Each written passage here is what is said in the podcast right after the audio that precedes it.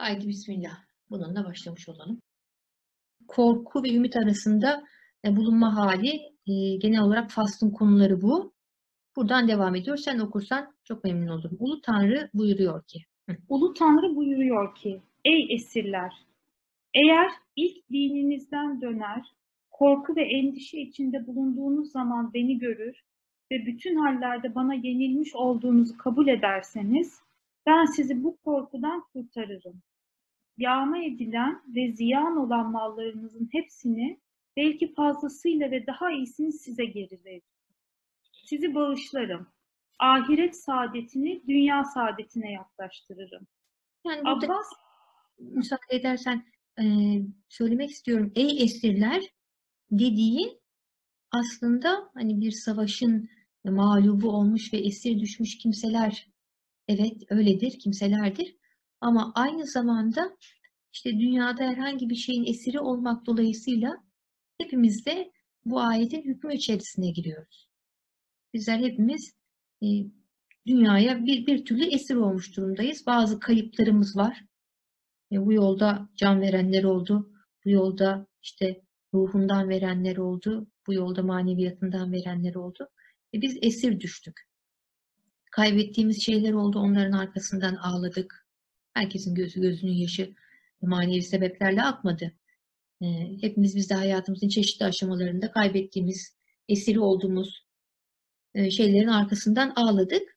E, fakat Allahü Teala diyor ki sizler benim kahrıma zebun olduğunuzu yani Allah'ın celal tecellisiyle karşılaştığınızı kabul ettiğiniz, aczinizi kabul ettiğiniz takdirde e, size kaybettiklerinizden, ziyan olduğunu düşündüklerinizden çok daha çok daha büyük nimetler lütfederim. Diyor bu bir müjde ayeti. E, işte diyor ki kafir olanlardan başkası Allah'ın rahmetinden ümit kesmez. Fakat ümit kesebilmek gerçekten iman işi. Gerçekten iman işi. Yani orada bir Allah var. Senin sahibin seninle ilgileniyor, senden el çekmedi ve ona ona inanman lazım. Senin elinden gidenlerin hakkında hayırlı olduğuna, onun niyetinin iyi olduğuna, e, aslında senden gidenlerle seni temizlediğine dair büyük bir imanın, güvenin olması lazım. Bu yalnızca kelimeyi şehadet getirmekle ilgili bir iman değil. Bu samimi içten bir şey. Bunu hani evlatlar analarıyla çok yaşarlar. Anne bir şeyi çocuğun elinden hart diye kapar alır. Çocuğun gözlerinden yaşlar boşanır. Gider anneye kızar, söver, vurur hatta. Kınarız böyle. Nasıl bir şey bu diye. Ama ama çocuk tekrar ağlayarak ona sığınır. Vermiyorsun, senin bir bildiğin var der. Ağlayarak, kızarak yine ona sarılır. İşte mesele o ki biz de canımız ne kadar acısa da bu işte bir hayır var deyip e, yüz çevirmemeli, bilakis daha çok Allah'a sarılmalıyız. İçimizdeki acıyla, içimizdeki o kırıklıkla olabilir. O anda anlayamadığımız için bir kırıklık, kuluz yani. Bir burukluk olabilir. Fakat ona rağmen tekrar ona sarılırsak işte o zaman müjde ayetinin hükmüne biz de inşallah tabi oluyoruz. Allah daha iyisini verir diyor. Bilemediğimiz şey şu ki hakkımızda neyin daha iyisi olduğunu bilemiyoruz. Burası çok enteresan. Ee, öyle istemeliyiz ki Allah'tan şimdi benden bir şey gitti ama benim bir kaybım var ama maddi manevi neyse artık. Sende benim bilemediğim başka nimetler var Allah'ım. Ve ben onları bilemediğim için isteyemiyorum. Öyle nimetlerim var ki ben bu dünyada normal isteklerle yaşıyorum. Şunu alayım, bunu satayım, şuyum olsun, şuraya geleyim. Endişelerim benim maddi, benim bildiğim endişeler. Ama Allah'ım bana öyle öyle bir kapı aç ki ben sende olanları az çok hissedeyim ve onlara meyledeyim demek lazım. Bunun için de bir tane adım atmak lazım. O da düştüğün yerde kalkıp tekrar Allah'a doğru yürümektir. Düştüğün yerde kalıp ben düştüm, bittim, mahvoldum değil. Hemen kalkıp yola devam etmek lazım. E, babacığım rahmetli hani hikmet saçan bir insandı. Öyle belli bir yolun müntesibi de değildi ama bize düştüğümüz zaman çocukken derdi ki e, düşenler eğer sağdan giderse kalkıp hemen sağdan yürümeye devam ederse para bulurmuş. Allah onun için e, yola bir para atarmış. Onu derdi. O yüzden ben küçükken düştüğümde hiç şey yapmazdım.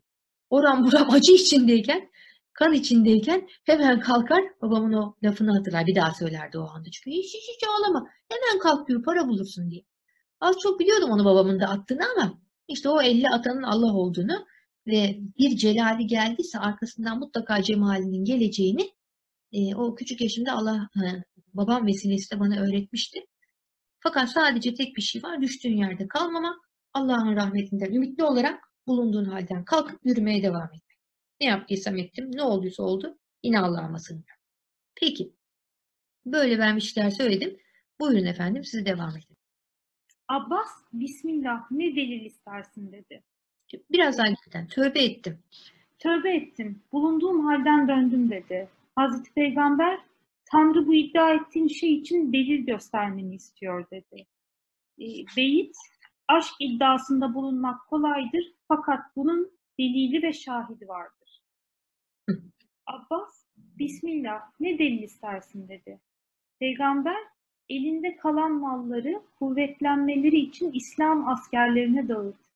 Eğer Müslüman oldunsa İslamlığın ve Müslümanlığın iyiliğini istemen lazım buyurunca o ey Tanrı'nın elçisi benim neyim kaldı ki hepsini yağma ettiler bana eski bir hasır bile bırakmadılar dedi. Ben Bunun devam üzerine buradan müsaade edersen.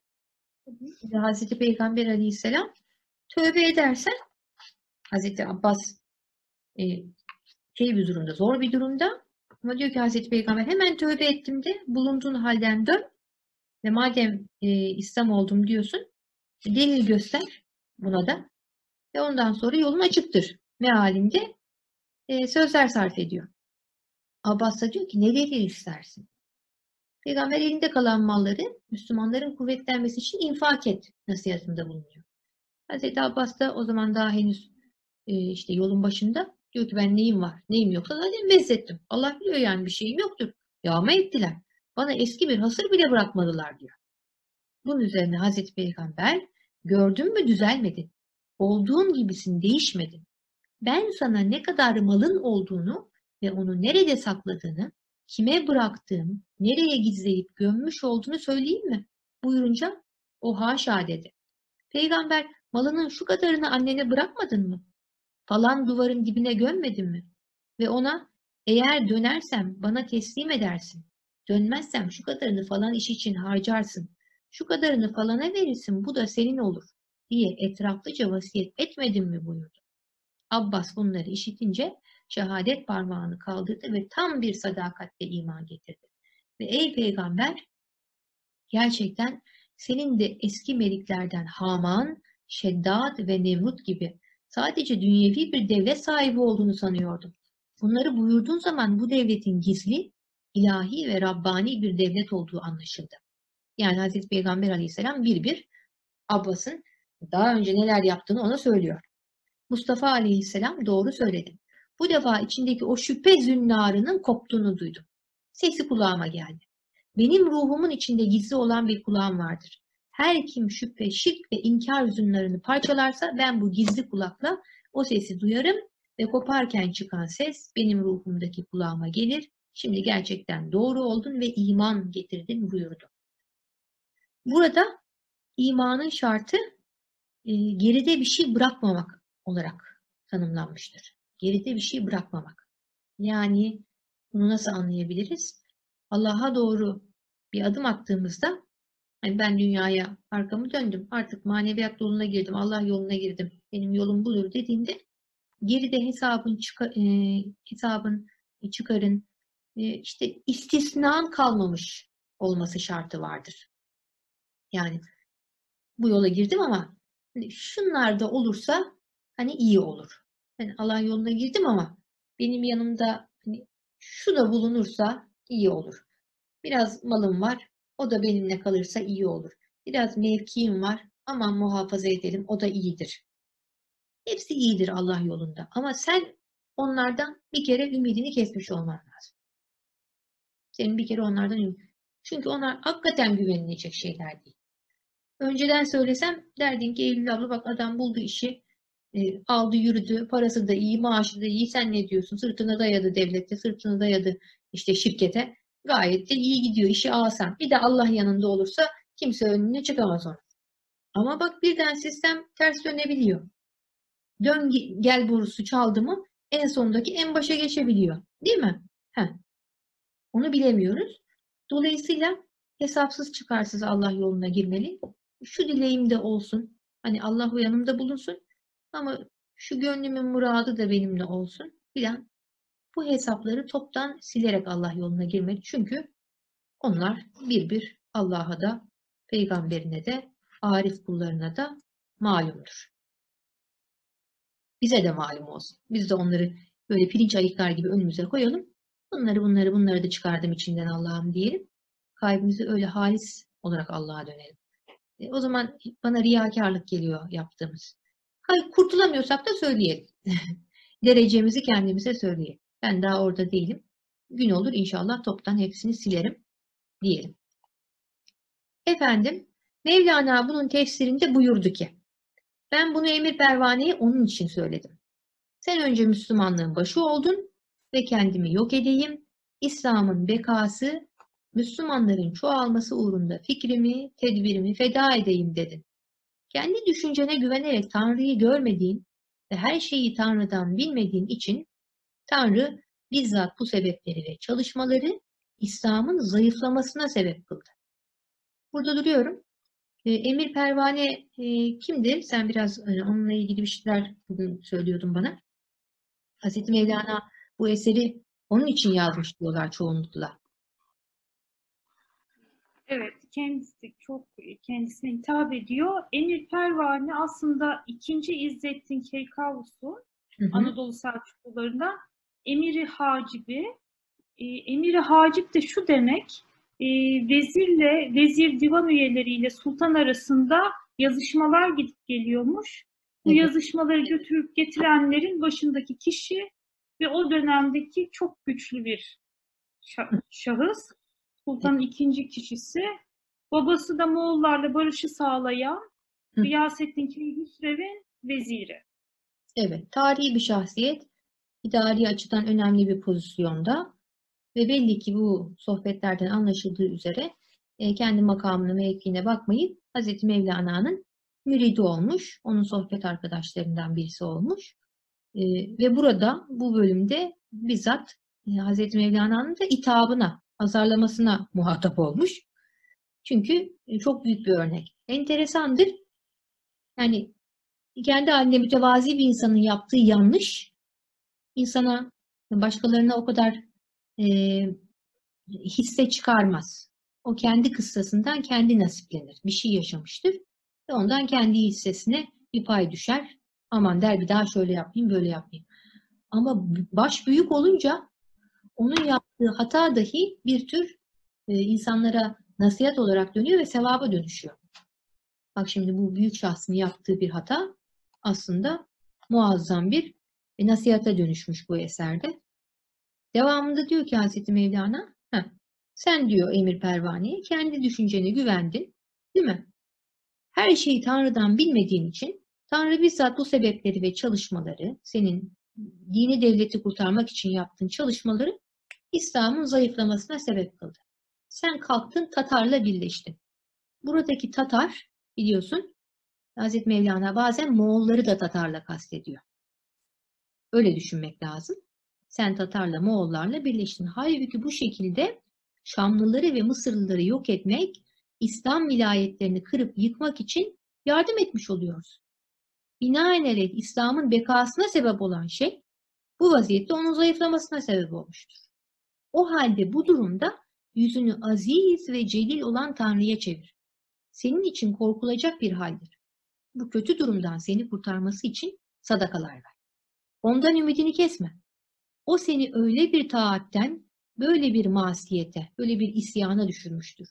Fakat sen o taati kendinden zannettin ve bu yüzden masiyete düştün. E işte yaptığı, ettiği işlerde biraz demek ki benliğe düşmüş e, burada Emir Pervane. Ve kendi uygulamalarını bir çeşit nihai en güzel uygulama olarak e, düşünmüş. Ve tabii ki işler ters dönüyor. İslam'ın kuvvetlenmesi niyeti varken cüzi aklıyla yaptığı hareketler İslam'ın zayıflamasına sebep oluyor. Çok büyük bir vebal. insanın kendi cüz'i e, e, nefsiyle, aklıyla yaptığı ve sadece kendi hayatını ilgilendiren hatalar Allah'la kulu arasındadır. Yani örtsün, bir daha da o hani e, o tür yanlışlara düşmekten korusun diye. Herkesin hatası kendine. Ama böyle büyük hatalar, büyük makamlardaki insanların yaptığı hatalar İslam'a mal ediliyor. Bu yüzden ben çok hani her üzerimize bir görev verildiğinde biraz daha titriyorum. Şahsın adına bir hata yaptığında senindir. Ama Allah muhafaza büyük yerlerdeki insanların hataları da e, çok büyük vebal. Ama böyle bir durumda dahi Mevlana diyor ki aman sadakalar ver ve Allah'tan ümidini kesme. Ya.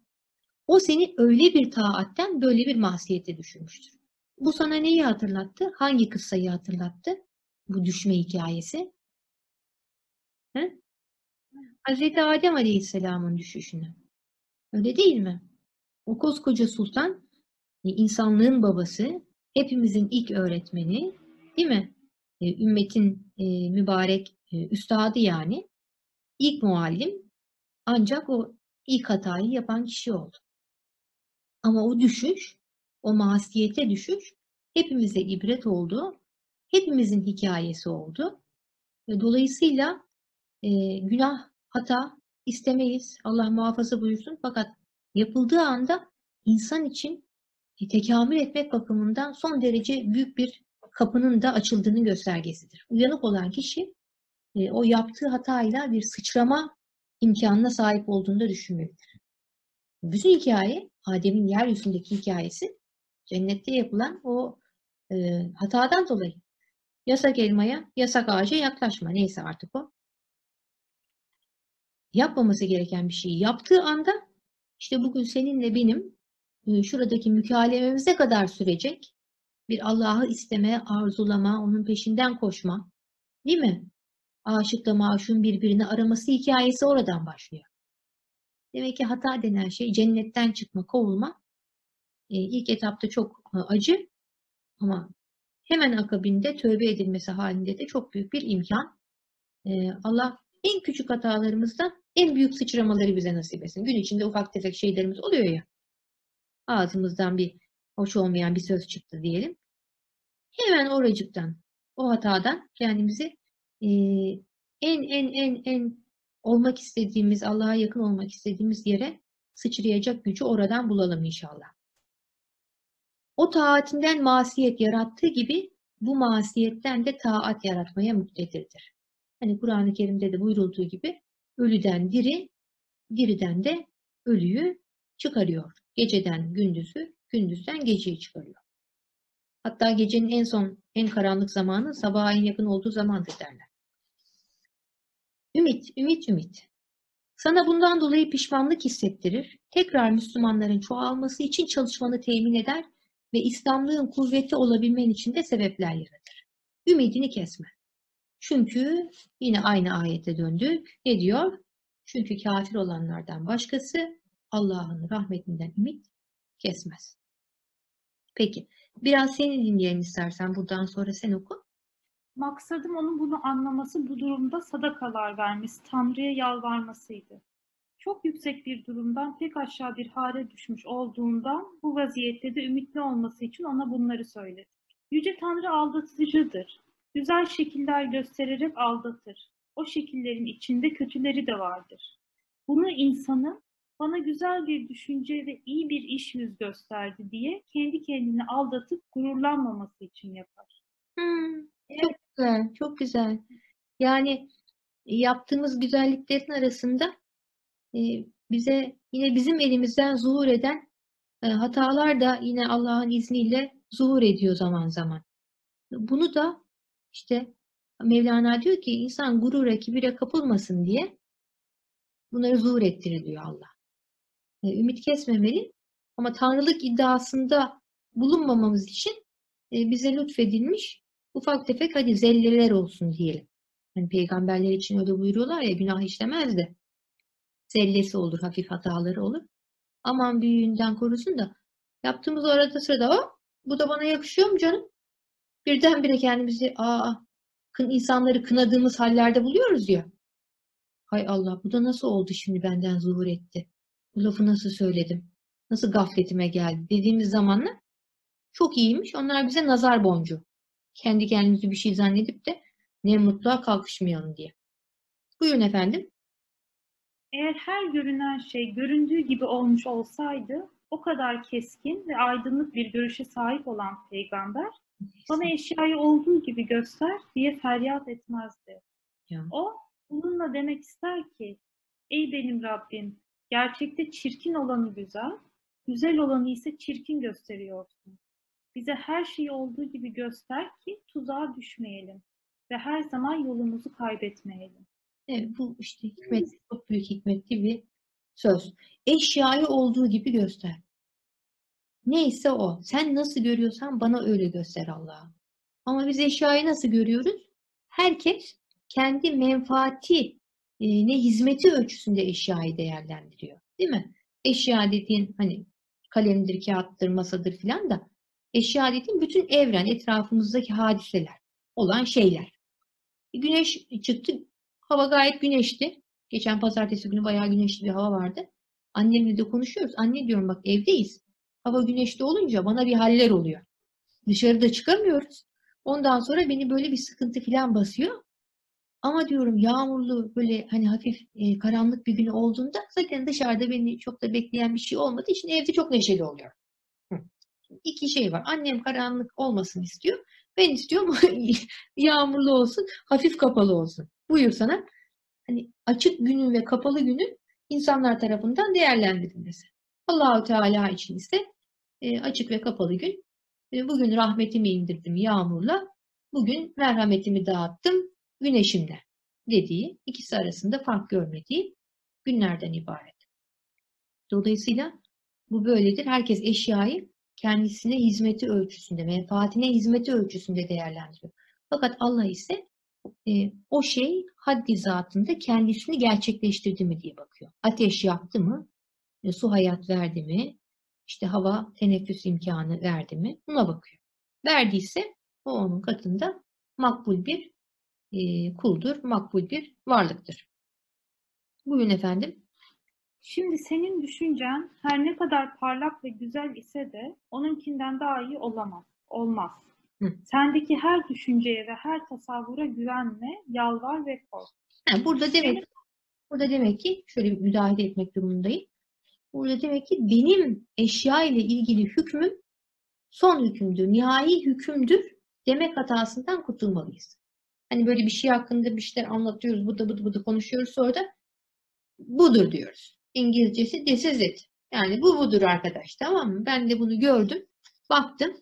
Heh, konuyu oradan buradan tuttum, bu budur. diyoruz. Hatta onun üstüne biri çıkıp bir laf söylediğinde e, ağanın lafının üstüne laf olmaz tadında hafif değişik değişik iç geçirmeler filan. Hadi sen de konuş bakalım filan gibi. O öyle değil. Sen ne kadar konuyu kendi tarafından gördüysen arkadaş da meseleyi kendi dünyası açısından yorumladı ve eşyayı kendi gördüğü gibi izah etti. O halde şöyle dememiz lazım. Vallahu alem. Nedir o? Yani ben bunu böyle gördüm, böyle izah ettim. Sen böyle gördün, böyle söyledin. Hakikatini Allah bilir. Bu bize mütevazi olma imkanı veriyor. Önceden ben mesela akademik çalışmalar yapmadan önce daha böyleydim. This is it. Bu budur. Ben dedim budur. Kalbimden konuşuyordum bir de böyle. İçimden ne geldiyse his, his her zaman akıldan üstündür kanaatimde öyleydi. Ama şimdi bakıyorum literatür diye bir şey var. Ben bir konuda bir şey söyleyeceğim. Benden önce bin tane laf söylenmiş. Söylediğim söz o, o sözlere bir şey ilave etmeli. Değil mi? Ve nihai olamaz. Çünkü ilim sonsuz. Benden sonra gelenler olacak. Benden sonrakine de bir anahtar olmalı ve onu daha ilerletmeli. Ben bu hakikate uzanan zincirde bir halka olmalıyım. Daha mütevazi, daha karşı tarafın sözlerine hürmet eden bir şeye getirdi, idrak seviyesine getirdi akademik çalışmalar beni. Ha, iyi mi oldu şey yap, bilemiyorum. Hani kalbimin sesiyle istediğim gibi konuşuyordum ne güzel. Ama Allah madem ki bu şeye getirdi yani. Böyle bir imkanı açtı. Demek ki bu kanalla daha faydalı olmak benim için mümkün. Öyle değerlendiriyorum. Günlük hayatımızda da illa akademik bir şey yapmaya gerek yok. Birisi bir konuda bir şey söyledi mi ne güzel deyip almalı. Kendi hükmümüzü de söylemeli. O da o da haktır. Biz yanlış söylemiyoruz. Biz de hakkı söylüyoruz. O da hakkı söylüyor. Ama vallahi alem değil. işi kavgaya, gürültüye vurdurmamalı. Tamam mı? Buyurun efendim. Benim maksadım buydu ve o bu ayeti ve bu tefsiri kendi iradesine ve kendi düşüncesine göre tevil etti. Mesela orduları sevk ettiğimiz şu anda bile bunlara güvenmemeliyiz ve bozguna uğrasak da düştüğümüz korku ve aciz içinde Tanrı'dan ümidimizi kesmemeliyiz. Eyvallah. Devam et. Peygamber, Peygamber yukarıdaki ayeti kendi maksadına uygun olarak söyledi. İşte benim de söylemek istediğim buydu. Ya çok güzel. Neydi o ayet? Bir daha dönelim ona. Bir ayet Hı. ayetten yani e, hadisten bahsediyor diye birden şüpheye düştüm. Hadis, hadisin sonunda bir ayet de var. İşte kafir olanlardan başkası Allah'ın rahmetinden ümit kesmez. Heh. Biz de diyor tıpkı Hazreti Peygamber Aleyhisselam bu Abbas e, Aleyhisselam'la ilgili e, efendime söyleyeyim e, kıssanın sonunda, hikayenin sonunda bu ayete bağlamış. E, burada da Hazreti Mevlana ben de Emir Pervane'yi anlattım ve onun hikayesinin sonunda da şunu söylemek istiyorum ki diyor şu an son derece kuvvetli bir orduyu e, savaşa sürsek ve o ordu bozguna uğrayıp mahvolsa iki şey var. Ya galip gelecek ya mağlup olacak. Ne galip geldiğinde e, korkudan e, yolumuzdan kalmalıyız. Ne galip geldiğinde yanlış mı söyledim? Yanlış söyledim. Ne galip geldiğinde bununla böyle ümide kapılıp e, işte kendimizi bir şey sanmalıyız. Ne de mağlup olduğunda da aciz ve korkuya kendimizi sanmalıyız. Ben buradan şunu anlıyorum. Yani işin neticesiyle işin neticesiyle bizim e, hakka yakınlığımızı doğrudan ilişkilendirmemek. Burada önemli olan niyet, çalışmak, gayret. Sonuç Allah'tan. Ama şu an içinde bulunduğumuz dünya düzeni, yani hakim seküler düzen, genelde çıktılar üzerinden, ürün üzerinden kişinin çalışmalarını değerlendiriyor. Yıllarca emek vermiş, sarf etmiş, bir şeye ulaşmış, ulaşamamış. O son noktayla kişiyi ölçüyor, biçiyor, isimlendiriyor, bir yere koyuyor. Ama İslam geleneği ve tasavvuf geleneği gayretinle seni değerlendiriyor. Sonuç Allah'tan. Değil mi? Hani o meşhur hikayeyi hatırla. Adamın biri kalbine malum olmuş ki hani orada bir mağara var, mağaranın önünde bir kaya var. O kayayı hani ittir diye ona bir kalbine bir şey gelmiş. O da ömrünü buna adamış sabahtan akşama kalkıyor kayayı ittirmeye çalışıyor. Allah dedi kalbine de ilham gelmiş. Ne yapsın? Uymuş yani. Allah perişan olmuş, bitmiş, mahvolmuş. Sonunda ellerini açıp yalvarıyor. Allah'ım diyor uğraştım işte gördün gece gündüz sabah akşam. Sen dedim ben yaptım ama açamıyorum. Mağaranın kapısını ben açamıyorum. Ne yapayım diyor. allah Teala'dan haber geliyor ki ben sana mağaranın kapısını açma dedim. Ne dedim ben sana? İttir dedim. Sen orada dur ittir. Açacak olan benim. Aa, oldu bitti gitti. O kadar. Sana ne deniyorsa, nereye vazifelendirirsen orada dur. Başarı, tevfik Allah'tan. Gelir, gelmez. Onu biz bilemeyiz. Bununla modumuzun düşmesine çok da izin vermemeliyiz. O zaman gerçekten bugün yine sohbette bahsettiğimiz gibi hür insan oluyoruz. Yani ürünümüzün bizden çıkan sonuçların da yaptıklarımızın, söylediklerimizin de esiri oluyoruz. Fiil de senden çıktı, gitti, bitti. Dünyaya karıştı. Neticesini sen nasıl takip edebilirsin? Olmaz. Ama sen iyi niyetle bir şey yaptın mı? Yaptım Allah. Ama sonuç böyle oldu. Böyle oldu Allah. Nasip sendendi. O kadar. Bu insanı çok özgürleştiriyor. Yani binlerce adım ileriyi düşünüp hamle yapmayı değil. Evet az çok e, insanın önünü görmesi şarttır. Fakat onlara bağlı olmadan her an neyi gerektiriyor, neyi icap ettiriyorsa onu yapmak. Nitekim bir işlerin ortasındayken bir gün gelecekler, bizi alacaklar. Hep söylüyorum. Bir şeyin yani bitiremedim, edemedim. Yapalım? Nefes bitti, yapacak bir şey yok. Dedikleri anda çıkabilecek kadar dünyada böyle tası tarağı hazır olmak lazım. Ben öğrencilerimle bunu çok yaşardım. İlkokul çocuklarını meşgul etmek için derse tabii devamlı anlat anlat sıkılıyorlar. Onlara video seyrettiriyordum biraz da. Çizgi filmler, güzel çizgi filmler var böyle Hazreti Musa'nın hikayesi, Hazreti Muhammed Aleyhisselam'ın ilk e, hikayeleri çizgi film yapılmış. Onları götürüyorum sınıfa. Bazıları çok hazır olurdu. Biliyorlar video odasına gideceğimizi. Hemen gelirdim sınıfa. Hadi çocuklar gidiyoruz video odasına. Hemen çantasını kaptığı gibi önden giderdi, ön sıraya otururdu. Yeter ki çizgi filmi seyretsin. Birkaç tanesi var ki oh, yayılmış bütün sınıfa. Hadi oğlum dedi mi çanta nerede, yaka nerede, kalem nerede, paça nerede? Hepsinin peşine düşer. En son 15 dakika sonra gelir işini bitecek, toparlayacak yani. Yani. Öyle yayılmamak lazım dünyaya.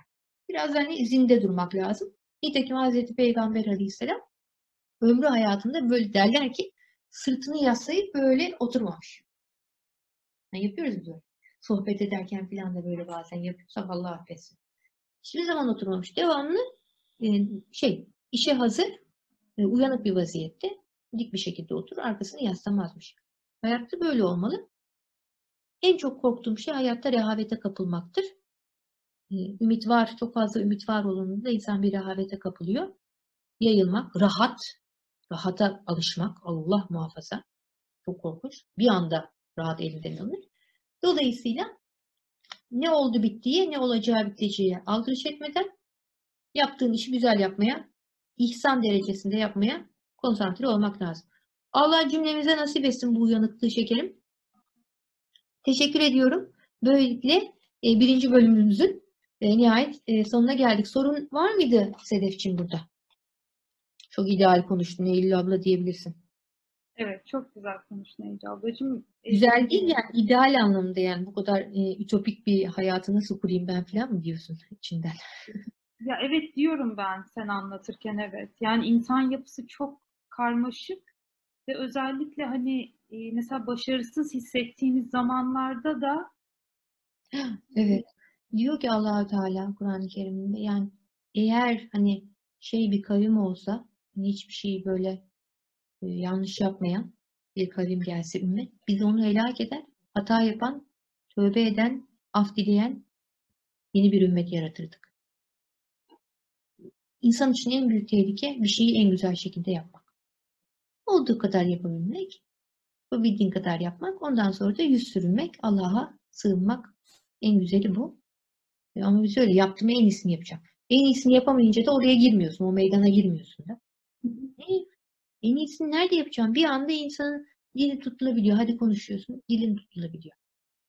Efendime söyleyeyim, e, en güzel e, işte hamleleri sen yapıyorsun sporda. Bir anda krampın girdi. Haydi yapamadın. Dünya şampiyonu olacaktı. Olamadın. Örnekler çoğaltılabilir. Ama zevk almak en güzeli. Ben hayatımda zaman zaman bunun tadını kaçırdım. Kenar Rifai Hazretleri buyuruyor ki aşırılıklar şuleyi hayatı öldürür. Bir şeye aşırı düşkün olmak ne olursa olsun hayatın tadını kaçırıyor. İlim. Hı, ne kadar öğrenebiliriz? Binlerce kitaplar var. Hangisini okuyayım, hangisini bitireyim? Onu bir kalem geç. Efendime söyleyeyim, e, işte e, belli bir yere gelmek, hayatta kariyer sahibi olmak. E, çık çık bitmiyor masa basamaklar. Onun daha üstü var, onun daha üstü var. Hani hikayede hep Cemal Hoca anlatır ya, bir yere vali gidiyor. Orada da herkes ayağa kalkmış, bir tane adam kalk- kalkmıyor. Bak demiş sen kimsin ya ben geldim buraya kalkmıyorsun ayağa. Ben yani. Siz kimsiniz efendim demiş. Ben demiş valiyim. Aa, evet demiş valiyim. Sonra demiş. Sonra ne bileyim işte daha yükselirim. Bakarsın başbakan olurum yani demiş. Ha çok güzel. Sonra cumhurbaşkanı olurum demiş. Olabilir yani ben ona çalışıyorum. Maşallah sonra e daha ne olayım hiç yani demiş yani oldu bitti hepsi ne oldu. İşte ben demiş efendim o hiçim. O yüzden kalkmadım. Sonu yok ki. Dünyalık şeylerin de sonu yok yani. Celal'in sonu yok, Cemal'in sonu yok. Dolayısıyla Celal ve Cemal dalgaları arasında gidip geliyoruz. Bulunduğumuz yerde o işin, o günün, o anın tadını çıkarak, hakkını vererek Allah yaşamayı nasip etsin. Bence en çok hayat bu yani. Anın çocuğu olmak. Olmuşun olacağın derdinde olmamak. bu şey dediğine de bağlı herhalde. Hani niyet önemli, sonuç o kadar değil. Biz niyete bakıyoruz diyorsun. Evet. Hani biz de bir çıkıyoruz. O yolda başımıza bir sürü şeyler geliyor. Hani hikaye çok dolambaçlı bir hale geliyor. Falan. Hasılı sen de şunu diyeceksin sanıyorum. Korkuyla ümit arasında olursak o yolda yürürüz. Birine asılır kalırsak yoldan geri kalırız. Ee, o halde Allah bize ikisinin arasında olmayı nasip etsin diye. Tamam canım. Haydi o zaman hayırla görüşmek üzere.